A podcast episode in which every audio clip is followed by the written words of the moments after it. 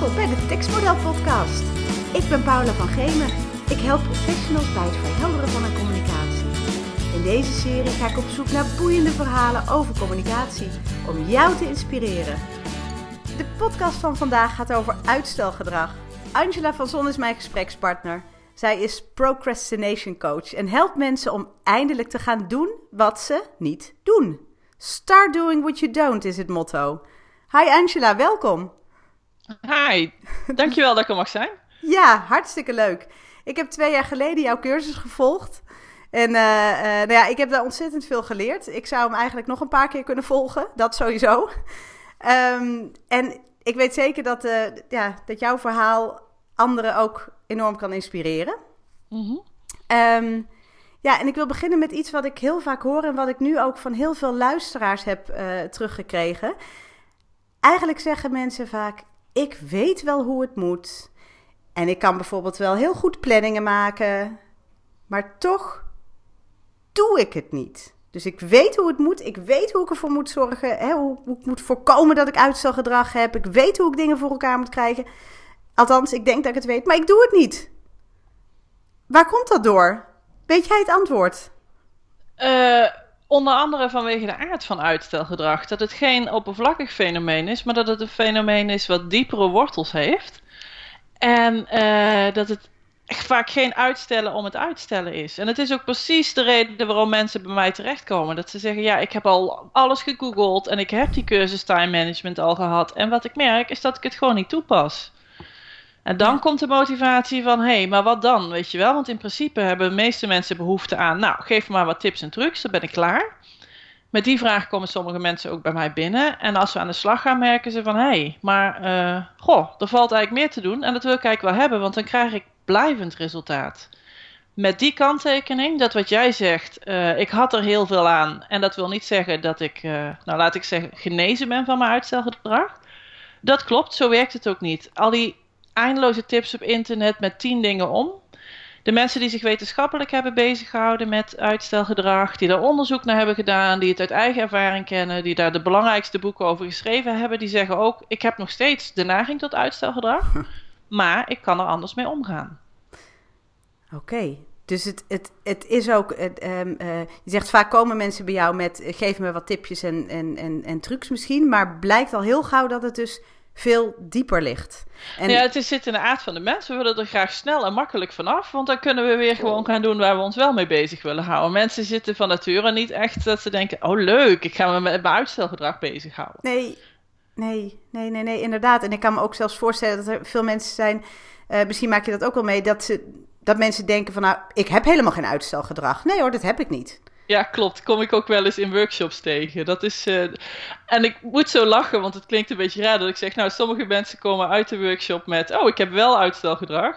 ik bedoel, ik probeer niemand iets aan te praten, zeker niet. Maar dan blijkt bijvoorbeeld dat mensen een beperkte definitie van uitstelgedrag hadden toen ze de workshop binnenkwamen. Dus ja, op mijn werk doe ik al, alles altijd.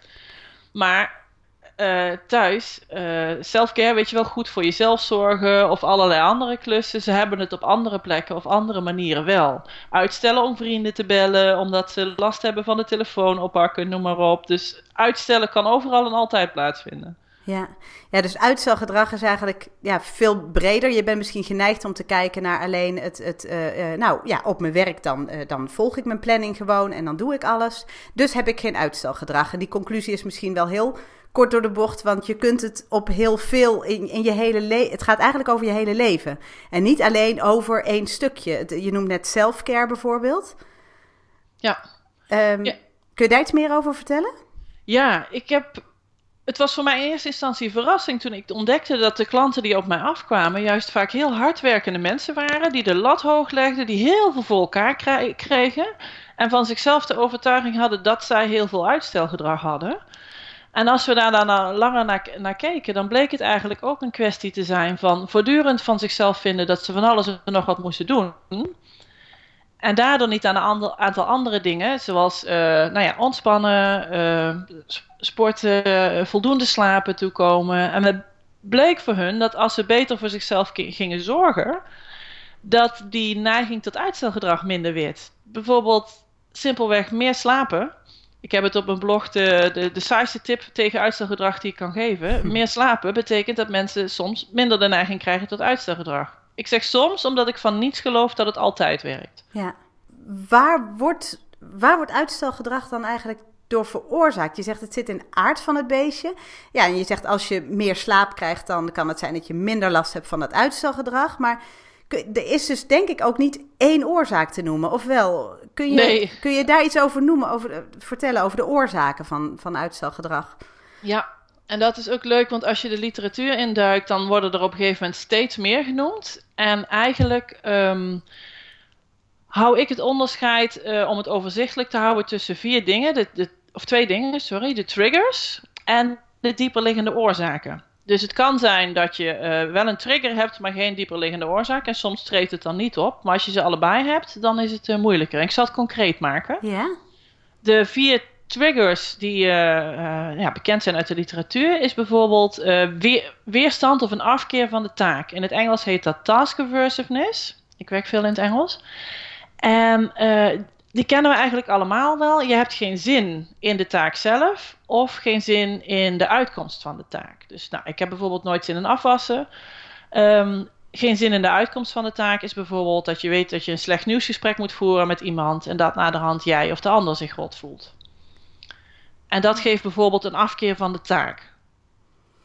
Oké, ik, ik had volgens mij, de, ik heb ook aan luisteraars gevraagd om, uh, om vragen in te sturen. Hè? En mm één iemand, uh, Janneke, die schrijft dat ze dingen vaak niet doet uit angst voor het gevolg. Dus ehm, ze schrijft letterlijk: als ik iets op marktplaats zet, krijg ik gezeur. Als ik de schilder regel, dan moet ik er daarna weer wat mee. Dus ze is bang voor wat, het werk dat er daarna gaat komen. Dus het is niet zozeer dat ze de actie zelf uitstelt, maar, of ja, ze stelt hem uit omdat ze bang is voor het gevolg. Ja, en dat is een prachtig voorbeeld van precies die afkeer van de taak of het gevolg. En dan, nou, bij sommige mensen helpt alleen dat inzicht al, van hé, hey, oh, dit is wat erachter zit. Andere mensen hebben zoiets, ja, ik heb, het, ik heb het door, maar wat dan nu? Ja. En dat is ook de reden waarom ik uh, nou ja, op mijn social media niet de hele tijd allerlei tips post. Want dan is dus inderdaad de vraag: hoe kan ik, en dat zal per persoon verschillen, ermee dealen dat ik eigenlijk last heb van: oh ja, dadelijk krijg je dit en dat. Ja. Is dat een kwestie van anders denken? Is dat een kwestie van grenzen stellen? Ik bedoel, wat speelt, wat speelt er en wat kun je daarmee? En dat zal per persoon verschillen. Ja, dus je moet, niet, je, je moet dieper gaan dan alleen die oppervlakte. Nou ja, moet niks, maar... Nee. Ehm, nee, maar dat meen ik serieus. Want ik zit wat dat betreft... Uh, ik zei net al, ik wil mensen niks aanpraten. Het is alleen mijn insteek in het vak en waar ik in geloof. En dat zijn dus ook de mensen waar ik veel mee werk... die daar, die daar wat mee hebben. Die zelf ook denken van... oh ja, weet je wel, ik wil ook, ik wil ook dat proces wel aangaan. Oké, en je, dit, was, dit was er eentje die je noemde. één trigger, hè? Ja. ja. En de andere andere veel voorkomende is uh, eigenlijk weinig vertrouwen in uh, dat je het kunt. Dus dat je eigenlijk zelf al verwacht, het zal me toch wel niet lukken of ik ben er niet goed in. De derde, ik zal eerst het overzicht afmaken, ja. is uh, dat de deadline nog ver weg voelt en niet reëel. En dan zijn allerlei acute en dichtbijzijnde taken zijn altijd belangrijker voor hm. ons, ja, ons brein, ons menselijke systeem. En de, de vierde trigger, die heet self-regulation in het Engels. Dus in het Nederlands uh, moeilijkheden of problemen met zelfregulatie.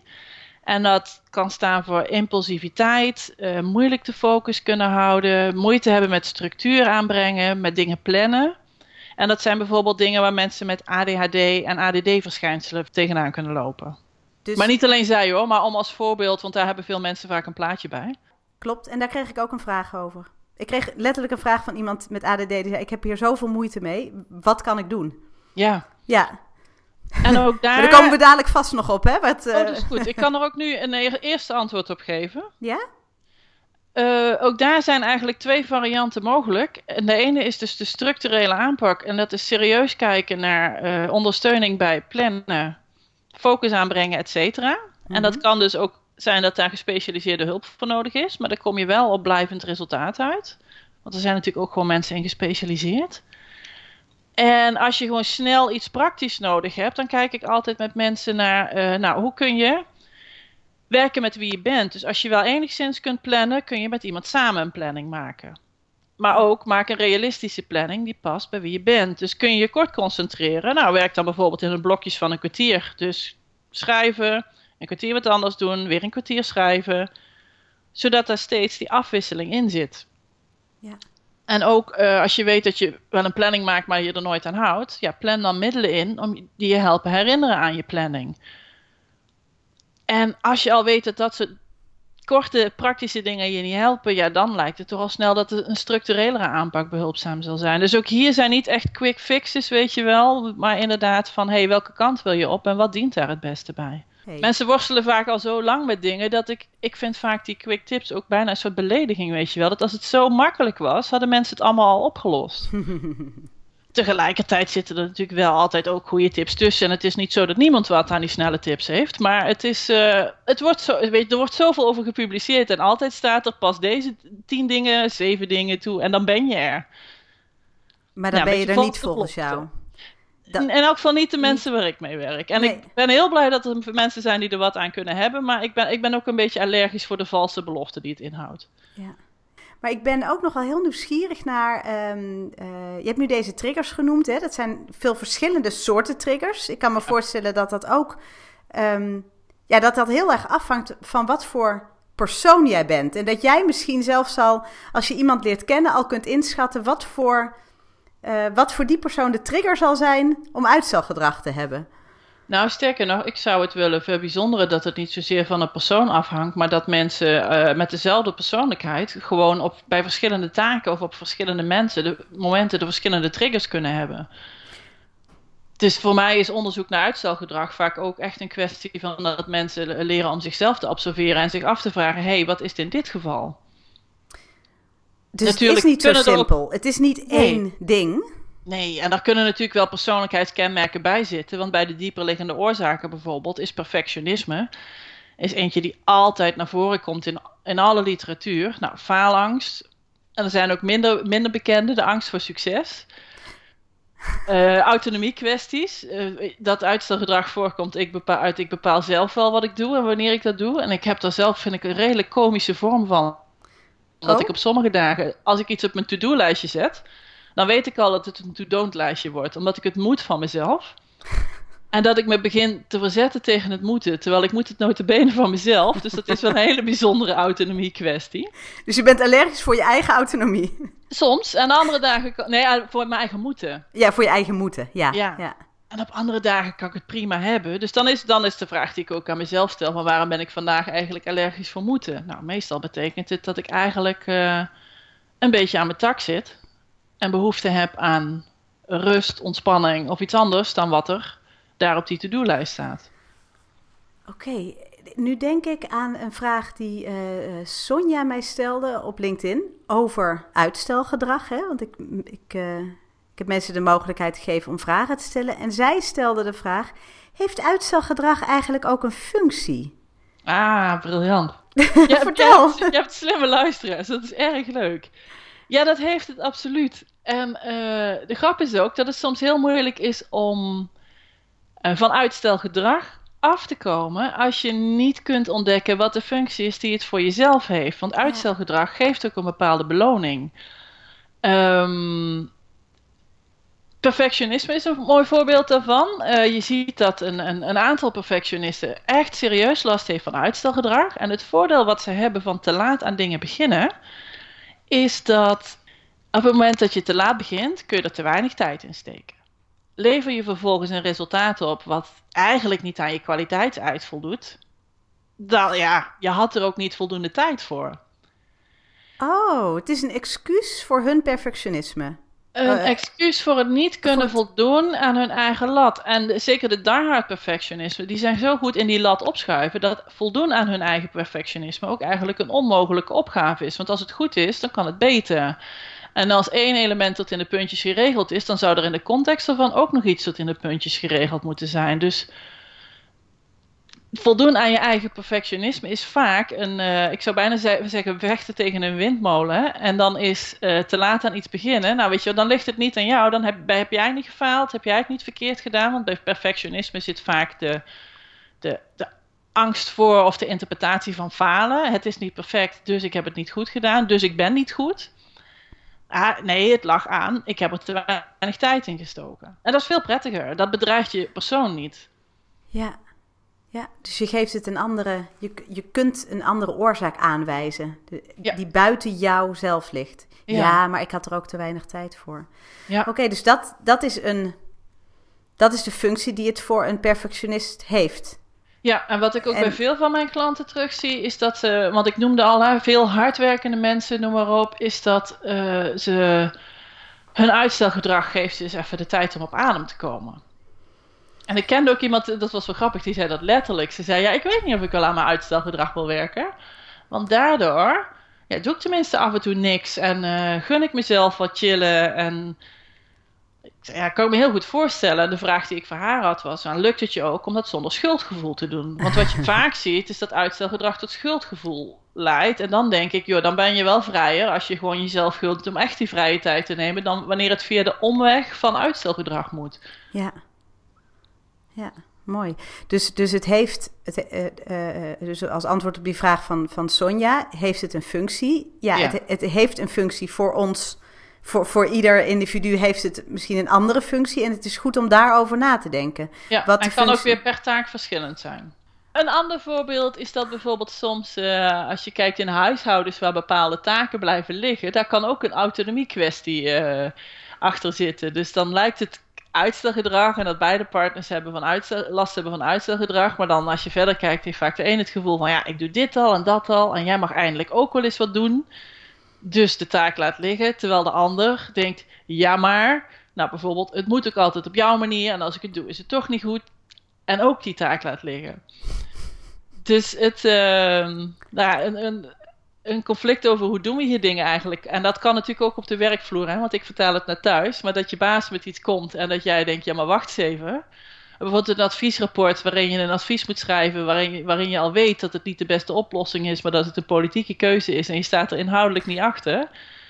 Ja, dan is uitstelgedrag ook een soort methode om, om terug te vechten, zeg maar. Ja. Uiteindelijk win je er niet mee, maar dat het in elk geval voor jezelf een soort van nog een vorm van invloed uitoefenen is. Verzet tonen. Ik wil nu graag even kijken met jou naar, naar tips voor uitstelgedrag bij schrijven. Ehm, mhm. ik kan er volgens mij zo een heleboel opnoemen, maar misschien kun jij er minstens zoveel opnoemen. En kun je gelijk ook um, adviezen daarvoor geven van hoe kun je daar dan mee omgaan. Als je bijvoorbeeld een writersblok hebt, als je aan zit te hikken tegen, tegen een hele moeilijke mail die je moet gaan schrijven.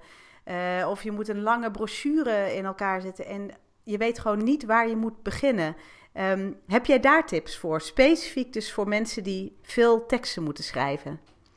Nou, bij een writersblok is eigenlijk de eerste methodiek die ik voorstel is ga wat anders doen. En dan bedoel ik niet de uitstelgedrag variant, maar ga iets fysieks doen. Dus bijvoorbeeld wandelen of wat dan ook, maar om echt het, de blokkade die in je geest zit fysiek los te maken. Oké, en moet ik dan tijdens dat wandelen ook uh, bezig zijn met dat onderwerp waar ik over wil gaan schrijven? Of juist helemaal niet? Ik zou het vooral niet doen, want dan kan het tussen je onderbewuste verder werken. Terwijl bij je bewuste ben je aangelopen dat je erover nadenkt en dat je eh, vastzit. En je onderbewuste denkt intussen wel door. En ik kan me ook voorstellen dat je, in, als je in een organisatie zit, dat je denkt, ja, ik kan niet zomaar gaan wandelen. Tegelijkertijd, je merkt bij een writersblok toch wel dat je niet schrijft. Dus eh, ga dan op zijn minst op zoek naar iemand op een andere verdieping. Of uh, weet je wel, kijk hoe je wel kunt bewegen. Maar fysieke beweging is een van de dingen die gewoon echt helpt om vastzitten los te maken. Wauw. En, dan, en, en heb, je, heb je een richtlijn voor hoe lang? Nou, bij mij gebeurt het vaak na 10 minuten dat ik chockvol ideeën zit. Maar dat is ook per persoon verschillend. Oké, maar je kunt dus al heel snel uit je blok komen. Ja, en dan wel daarna meteen terug. Ja, zou ik wel doen. Want dan heb je het enthousiasme van... hey, ik, uh, ik heb een idee of hey, ik heb er zin in. Maar ik ben ook natuurlijk altijd wel uh, kritisch op wat, waar staat het woord writersblok eigenlijk voor. Dus daarin wil ik dan misschien ook alweer die, de koppeling terugmaken naar uitstelgedrag. Want ik denk dat sommige woorden vaak heel licht gebruikt worden. Terwijl ja, wat is een writersblok eigenlijk? Ik zie een writersblok meer als wanneer je al begonnen bent, maar vast komt te zitten. Dat is in deze context even mijn definitie. Ja, precies. Dat vind ik een goede, inderdaad. Je bent begonnen en je loopt vast.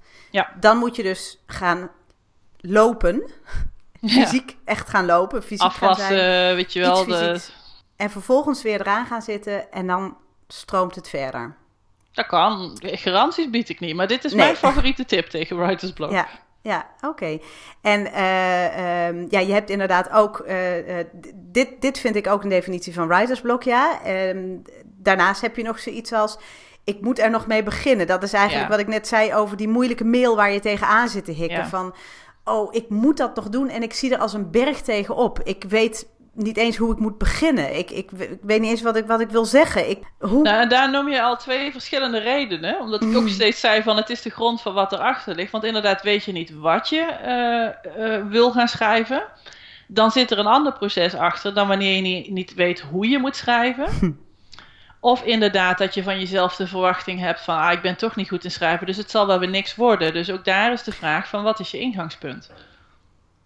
Okay. En als je niet weet wat je moet schrijven, dan kan het bijvoorbeeld heel makkelijk zijn om uh, met iemand te bellen of uh, uh, anderszins even live contact aan te gaan en via een praatje ontdekken. Op het moment dat je iets aan een ander uitlegt, krijg je vaak je eerste idee over, over hoe ver je eigenlijk al erin staat, maar niet doorhad dat je dat stuk al helder had.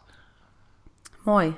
Dus als je niet weet wat je moet schrijven, dan doe je dat. Maar als ja. je niet, uh, uh, als je bijvoorbeeld al bang bent dat je denkt dat het toch niet goed gaat zijn wat je gaat schrijven, dan moet je het anders aanpakken. Ja, en de andere, en die ken je ook uit je eigen praktijk als schrijftrainer. Soms weten mensen ook gewoon niet hoe. En dan is het maken van een schrijfplan. Waarin al bepaalde lezersvragen uh, staan, weet je wel, in de inleiding wil iemand weten waar gaat het over, wat uh, krijg ik ervoor terug als ik de moeite neem om door te lezen, dat soort dingen. En gewoon ja. per stuk wat je gaat schrijven, de lezersvragen in beeld hebben en daar antwoord op kunnen geven. Daarmee geef je al een soort structuur aan je, uh, wat je gaat schrijven. Dus dan is een schrijfplan vaak een goede methodiek waar mensen snel resultaat mee boeken. Ja. Ja. En dan zitten we hier aan de oppervlakkige tips vergeleken met uh, de, de uitstelgedragtips, zeg maar.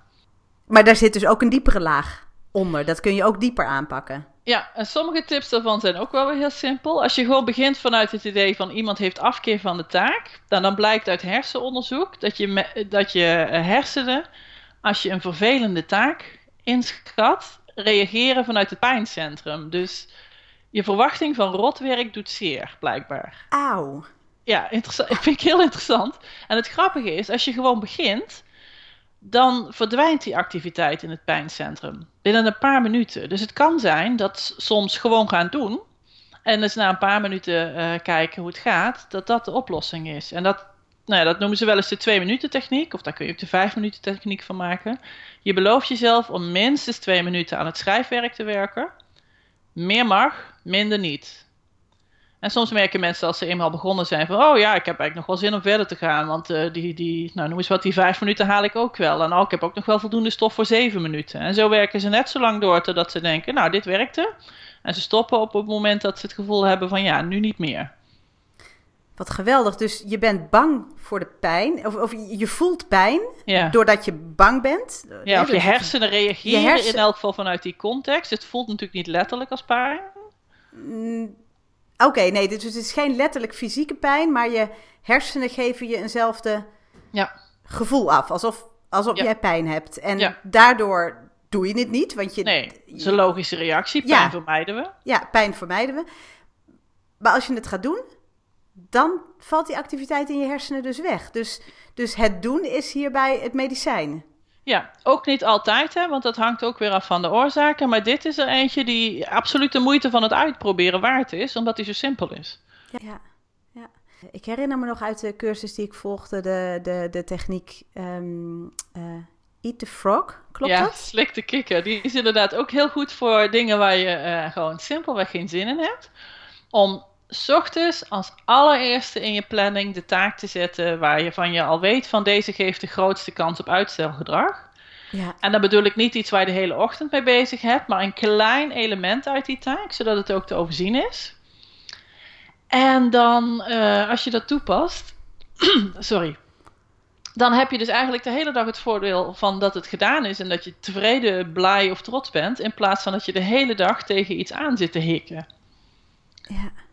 En ik weet toch dat ik ooit tegen iemand zei van ja, maar ik doe het niet ochtends meteen, want dan heb ik een ochtendhumeur. En dat die tegen mij zei, joh, is toch mooi? Dan heb je een ochtendhumeur en dan doe je iets wat je vervelend vindt. Dat matcht toch prima? en dat heb ik inderdaad uitgeprobeerd en ik dacht, ja, hij heeft gelijk. Dat was echt, eh, ik vond het heel komisch. Dat is ook mijn eigen gedachte van, ja, maar tijdens een ochtendhumeur moet, moet ik natuurlijk niks vervelends doen. Want een ochtendhumeur eh, is al vervelend. Ja, hij keek daar precies andersom tegenaan. Nou, dat werkte best wel goed. Ja, heel goed. Wat ik ook de hele tijd hoor in wat je zegt is, ehm, eh, volgens mij uitstelgedrag doet eigenlijk eh, ja, pijn, is vervelend. Daardoor hebben we schuldgevoelens. Ehm, als je het in ieder geval, als je er bewust van bent. Hè?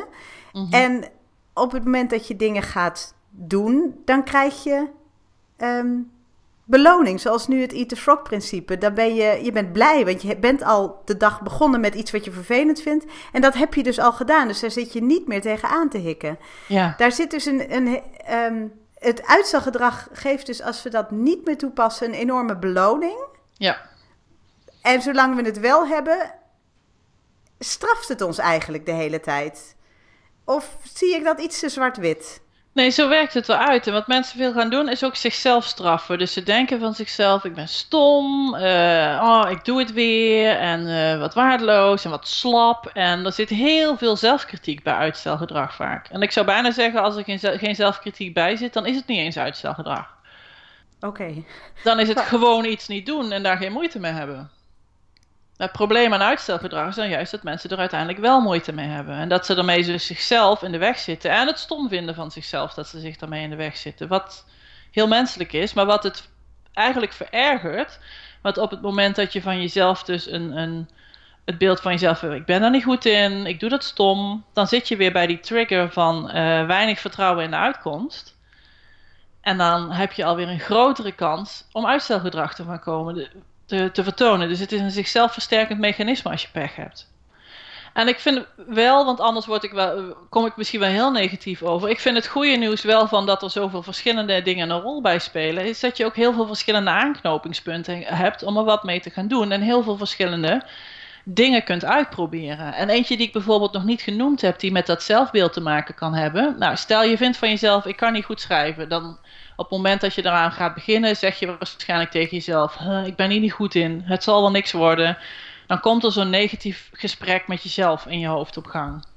Nou, uit wetenschappelijk onderzoek is gebleken, en ik zeg dat omdat het als een chakra-tip gaat klinken, maar hij, hij gaat dus een niveau diep verder dan dat, is dat wanneer iemand tegen zichzelf: Ik ben hier niet goed in, nou, dat roept negatieve dingen op, dus dat werkt niet.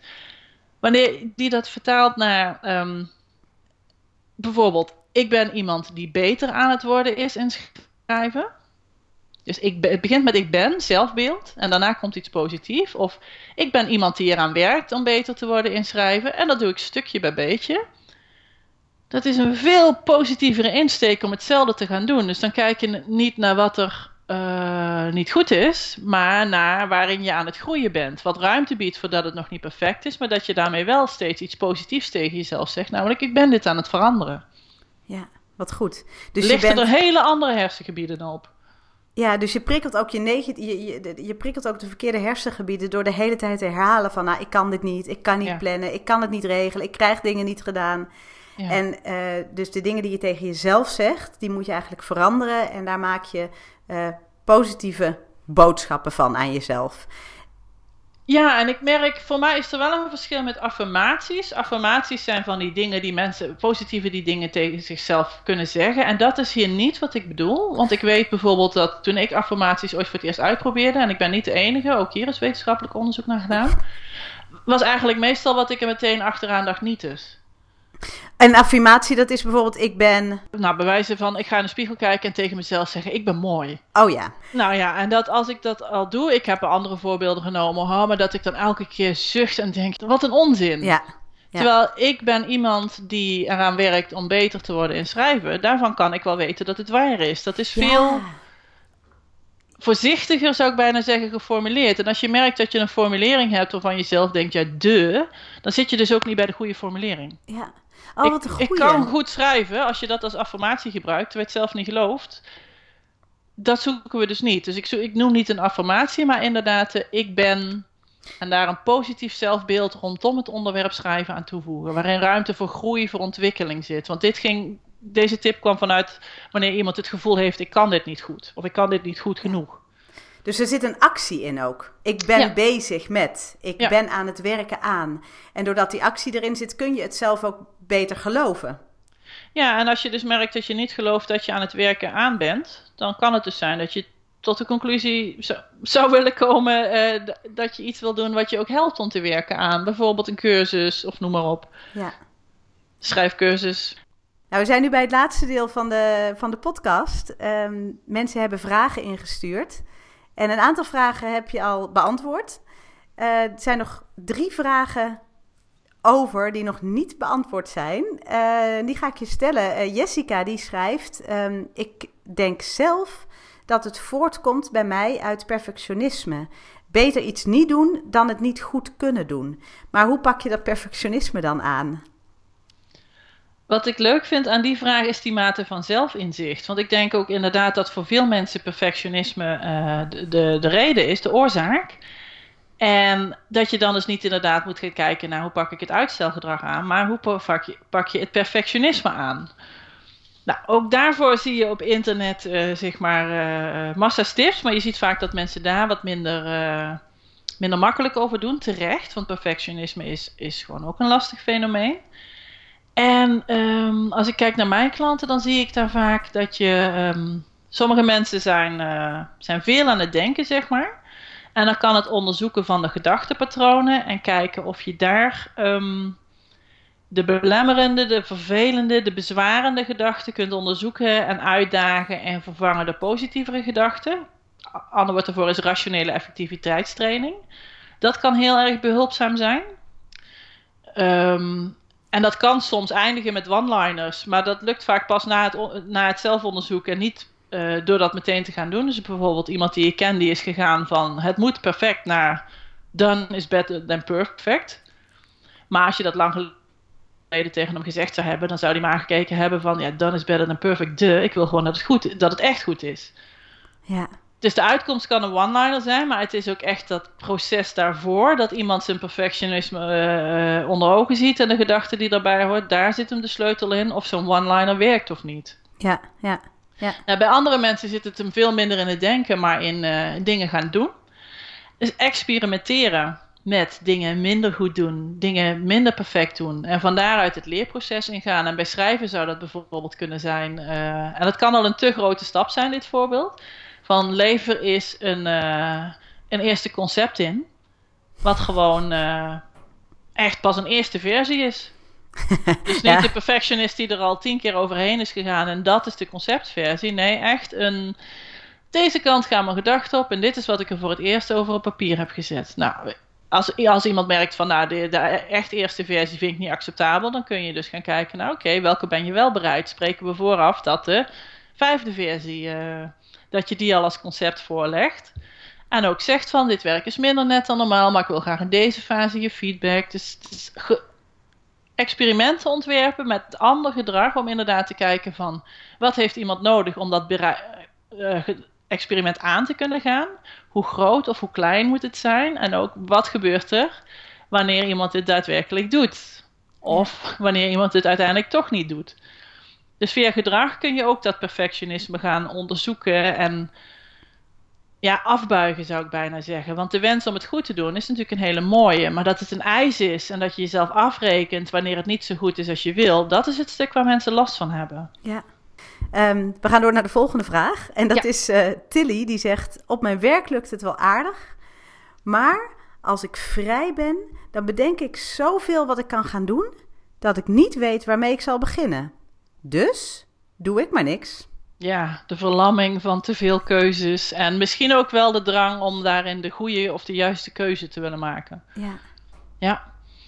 Ik heb wel eens, uh, een van de oefeningen die ik met mensen doe als ze last hebben van dit soort dingen, is dat ze gewoon een potje maken met taken erin en dat ze een loodje kunnen trekken. En dat ze met zichzelf afspreken dat ze het loodje wat ze trekken ook daadwerkelijk gaan doen. En als mensen dat echt te beperkend vinden, dat ze één keer opnieuw mogen trekken als ze het eerste loodje niet accepteren. Maar dat ze daarin dus het toe... En soms, soms roep ik van doe maar een dobbelsteen in plaats van een loodje. Maar dat ze het toeval hun werk laten doen in plaats van hun eigen besluitvormingsproces waar het stokt.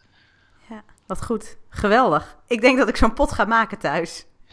Ja, Op mijn werk niet. Want ik Ja. geloof dat ik me daar moet houden aan de afspraken die ik met klanten maak. Maar Ja. thuis lijkt me dit geweldig. Ja. Ja. en wat ook altijd goed is om te checken als je last hebt van iets als dit, is of het eigenlijk niet een vorm van eh, oververmoeidheid is. Het, zo klinkt de vraag niet, als ze, zoals ze hem stelt. Maar soms verk- verkleden fenomenen zich als iets anders, zeg maar. Dus als je al de hele dag hard gewerkt hebt en je komt thuis en er liggen daar ook nog duizend taken te wachten. Ja, dat je eigenlijk gewoon wil ontspannen. Dan is het misschien ook logisch dat je niks doet. Dan is soms niks doen de beste, ehm, de beste remedie tegen het uitstelgedrag, omdat je na verloop van tijd wel zin krijgt. Ik heb in mijn, eh, in mijn e-cursussen soms, want mensen die werken vaak meerdere keren met me, wat jij aan het begin ook zei, van nou, ik heb de cursus gedaan en ik heb er veel aan gehad en ik zou nog wel meer willen. Dat gebeurt eh, grappig genoeg bij veel van mijn klanten. En eentje die nou, eh, op een gegeven moment zei van, nou weet je, ik heb zo'n last van uitstelgedrag, ik geef mezelf maar gewoon een dag vrij, want eh, blijkbaar heb ik het nodig. Die werd aan het eind van de dag heel productief toen ze uitgerust was en dacht, ja, ik wil eigenlijk toch nog wel een paar dingen voor elkaar krijgen. Dus soms is eraan toegeven hetgene wat werkt. Mooi. Als keus, niet als automatisme. Nee, precies. Als keus. Als keus. Ja. Niet als verlamming, maar ik ga nu niks doen. Ja. Ja. En ik Ja. herken de verlammingen heel goed hoor. Die kan ik zelf ook heel goed hebben. Vandaar ook dat ik ooit met dat idee van dat potje en loodjes trekken gekomen ben. Ja, je bent ervaringsdeskundige. Ik oefen heel veel op mezelf, ja. Ja, heel goed. nou, dan ben ik benieuwd of de derde vraag, of je die ook herkent, eh, vast wel uit je praktijk. Eh, dat is Carlijn. Die, eh, die schrijft een, een, een heel leuk verhaal. Ze zegt, hier de uitstelkoningin. Ja, ik wil mijn website herschrijven. Alvast een nieuwe training ontwikkelen, mijn administratie bijhouden. Maar zit er een deadline aan vast? Nee. Dus ga ik vrolijk op ikea.nl zoeken om een nieuw bed voor mijn dochtertje te bezoeken. eh, te, eh, uit te zoeken. Ehm, nou ja, zo heb ik nog heel veel meer voorbeelden, schrijft ze. Is de nood niet hoog genoeg, dan vertoon ik ontwijkend gedrag. En natuurlijk weet ik heel goed hoe het moet. NLP, hoe zou jij je voelen als je het wel deed, et cetera. Maar ja, ondertussen ehm, doet ze dus toch niet de dingen die ze echt vindt dat ze moet doen of die ze wil doen. Angela, wat kun jij met deze vraag? Ik, ik werk altijd heel graag met mensen die dat hebben. Dat ze al heel veel weten en al heel veel kunnen. En inderdaad zeggen van ja, maar goed, ik, ik krijg het dus niet op mezelf toegepast. Het werkt niet. Daar word ik extra nieuwsgierig bij. Maar wat is het nou? Is het nou echt die deadline? Dan zou het een voorbeeld kunnen zijn van die trigger van hé, hey, een datum moet dicht genoeg bij zijn. En als het echt aan de deadline ligt, dan is harde tussendeadlines plannen, waarin je met iemand eh, nou, dat concept van je website al bespreekt. En met die persoon ook afspreekt als je die afspraak verzet. Dat hij iets met je doet wat voor jou helpt. Soms kan het zijn streng zijn en zeggen, nou, dit mag één keer, de volgende afspraak afzeggen, doen we niet. Dus eh, hoe ga je eraan houden? Maar het kan ook zijn dat iemand meer baat heeft bij een coachende benadering. Maar dat in elk geval dat wat de Engelse accountability noemen, namelijk dat je iemand helpt om zich ook echt aan zijn eigen afspraken te houden, dat dat voldoende zou kunnen zijn. Dus subdeadlines die uh, met behulp van iemand anders bewaakt worden. Wat ik vaak ook zie bij mensen die met deadlines werken, waar zeggen van ja, het is de deadline is hetgene wat het doet. Dat ik denk, nou, zou er ook niet iets anders achter kunnen zitten? Want doet die persoon echt alles in zijn leven pas bij de keiharde deadline? Dus pas eten als de honger enorm is. Pas plassen als de nood ontzettend hoog is. Pas bij vrienden op bezoek gaan als de totale vereenzaming dreigt. of gebeurt dat toch meer bij sommige items wel en bij andere niet? En dan is het vaak toch een kwestie van: hé, hey, dan zou er iets met die items kunnen zijn. En uh, nou, bijvoorbeeld een nieuwe website maken, dat kan een kwestie zijn van: ik weet niet wat, ik weet niet hoe. Uh, er zitten ontzettend veel keuzes aan vast. Dus die hele eindeloze keuzes die gemaakt moeten worden. Of ik weet niet hoe ik daar een betrouwbare partner in moet zoeken. En dat vind ik een vervelend proces. Dus daar kunnen, en nogmaals kunnen, het hoeft niet, weer hele andere dingen onder zitten. En die vanzelf opgelost worden, inderdaad, als de druk maar hoog genoeg is. Want dan is het ineens snel schakelen. Maar die misschien ook anders gekund zouden hebben. En ik ken daadwerkelijk iemand die floreert gewoon bij deadlines. En die heb ik ook gezegd van, joh, maar dan is het toch goed? Als ja. het werkt, werkt het. Het ja. wordt pas interessant als het niet werkt, als iemand er niet tevreden mee is. Ja, ja. dus als je daardoor echt dingen niet gedaan krijgt en als je er ongelukkig van wordt, als je, als je ja. Ja, en als iemand een kick krijgt van, van de deadline, En dat is, soms is dat ook dat bij iemand gewoon die acceptatie van... hé, hey, andere mensen noemen dit uitstelgedrag... maar voor mij is dit van mijn stijl van werk en ik vind hem fijn. En ik lever een goede kwaliteit op. En ik heb geen stress die mijn gezin beïnvloedt... of mezelf op een manier die niet prettig is. Nou, dan is het eigenlijk wel prima, klaar. Dat, dat zijn de hele stelle coachings bij wijze Geweldig, ja. ja. ja. Ja, hiermee ben ik aan het einde gekomen van alle vragen en ook aan deze podcast. Uh, ik kan echt nog wel uren met je doorpraten, maar ik denk dat we dat ook uh, gaan doen buiten de podcast om. Dat is goed. Ja, uh, ik, ik verveel me ook nog langer niet met het onderwerp. Nee, nou ja, wie weet komen er nog meer vragen uit. En dat wil ik gelijk zeggen tegen alle luisteraars. Uh, onderaan deze podcast zet ik alle linkjes naar, ehm, zodat je met, op Angela's site kan bezoeken. Eventueel contact op kan nemen met Angela als je denkt, wauw, daar zat echt een trigger in. Daar wil ik mee aan de slag. Hè, Angela, dan kunnen ze bij jou terecht. Ja, bijvoorbeeld op mijn uh, Engelstalige blog, um, de procrastinationcoach.net. Daar zit tussen de blogpost ook een link naar die slikte kikken techniek. En daar zit gewoon een heel leuk filmpje van, volgens mij maar vier minuten bij. Wat hem ook zo goed uitlegt dat het echt helpt om hem gemotiveerd toe te kunnen passen. Die, die legt het wat smeuiger uit dan ik het gedaan heb. Dus dat kan ik echt aanraden. Ja, oké. Okay. De slikte kikker techniek. Ik denk dat ik hem als uh, apart linkje even onderaan, uh, onderaan de podcast zet. Dat is, uh, ja, dat is nog makkelijker, dan kom je er direct. Ja. die techniek heeft mij heel veel geholpen. Maar ook weer dit gesprek heeft mij ontzettend ja, veel wijzer gemaakt. En ik hoop natuurlijk, en ik weet eigenlijk wel zeker... dat jij als luisteraar ook weer veel wijzer bent geworden door dit gesprek... Um, en je hebt niet alleen adviezen gekregen over hoe je moet schrijven, of hoe je, wat je kunt doen als je, met uitstelgedrag in combinatie met schrijven, maar uh, in de breedste zin van het woord. En zelfs uh, hebben we tips gekregen voor uh, als je in het huishouden vastloopt. Dus Angela, ontzettend bedankt hiervoor. Heel graag gedaan, ja.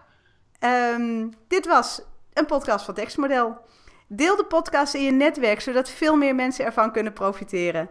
En ik zou zeggen, tot de volgende podcast. Snel weer aan het werk. Want uh, ja, wie weet was het beluisteren van deze podcast uh, stiekem ook wel uitstelgedrag. Zou het kunnen? Tot snel. Dag!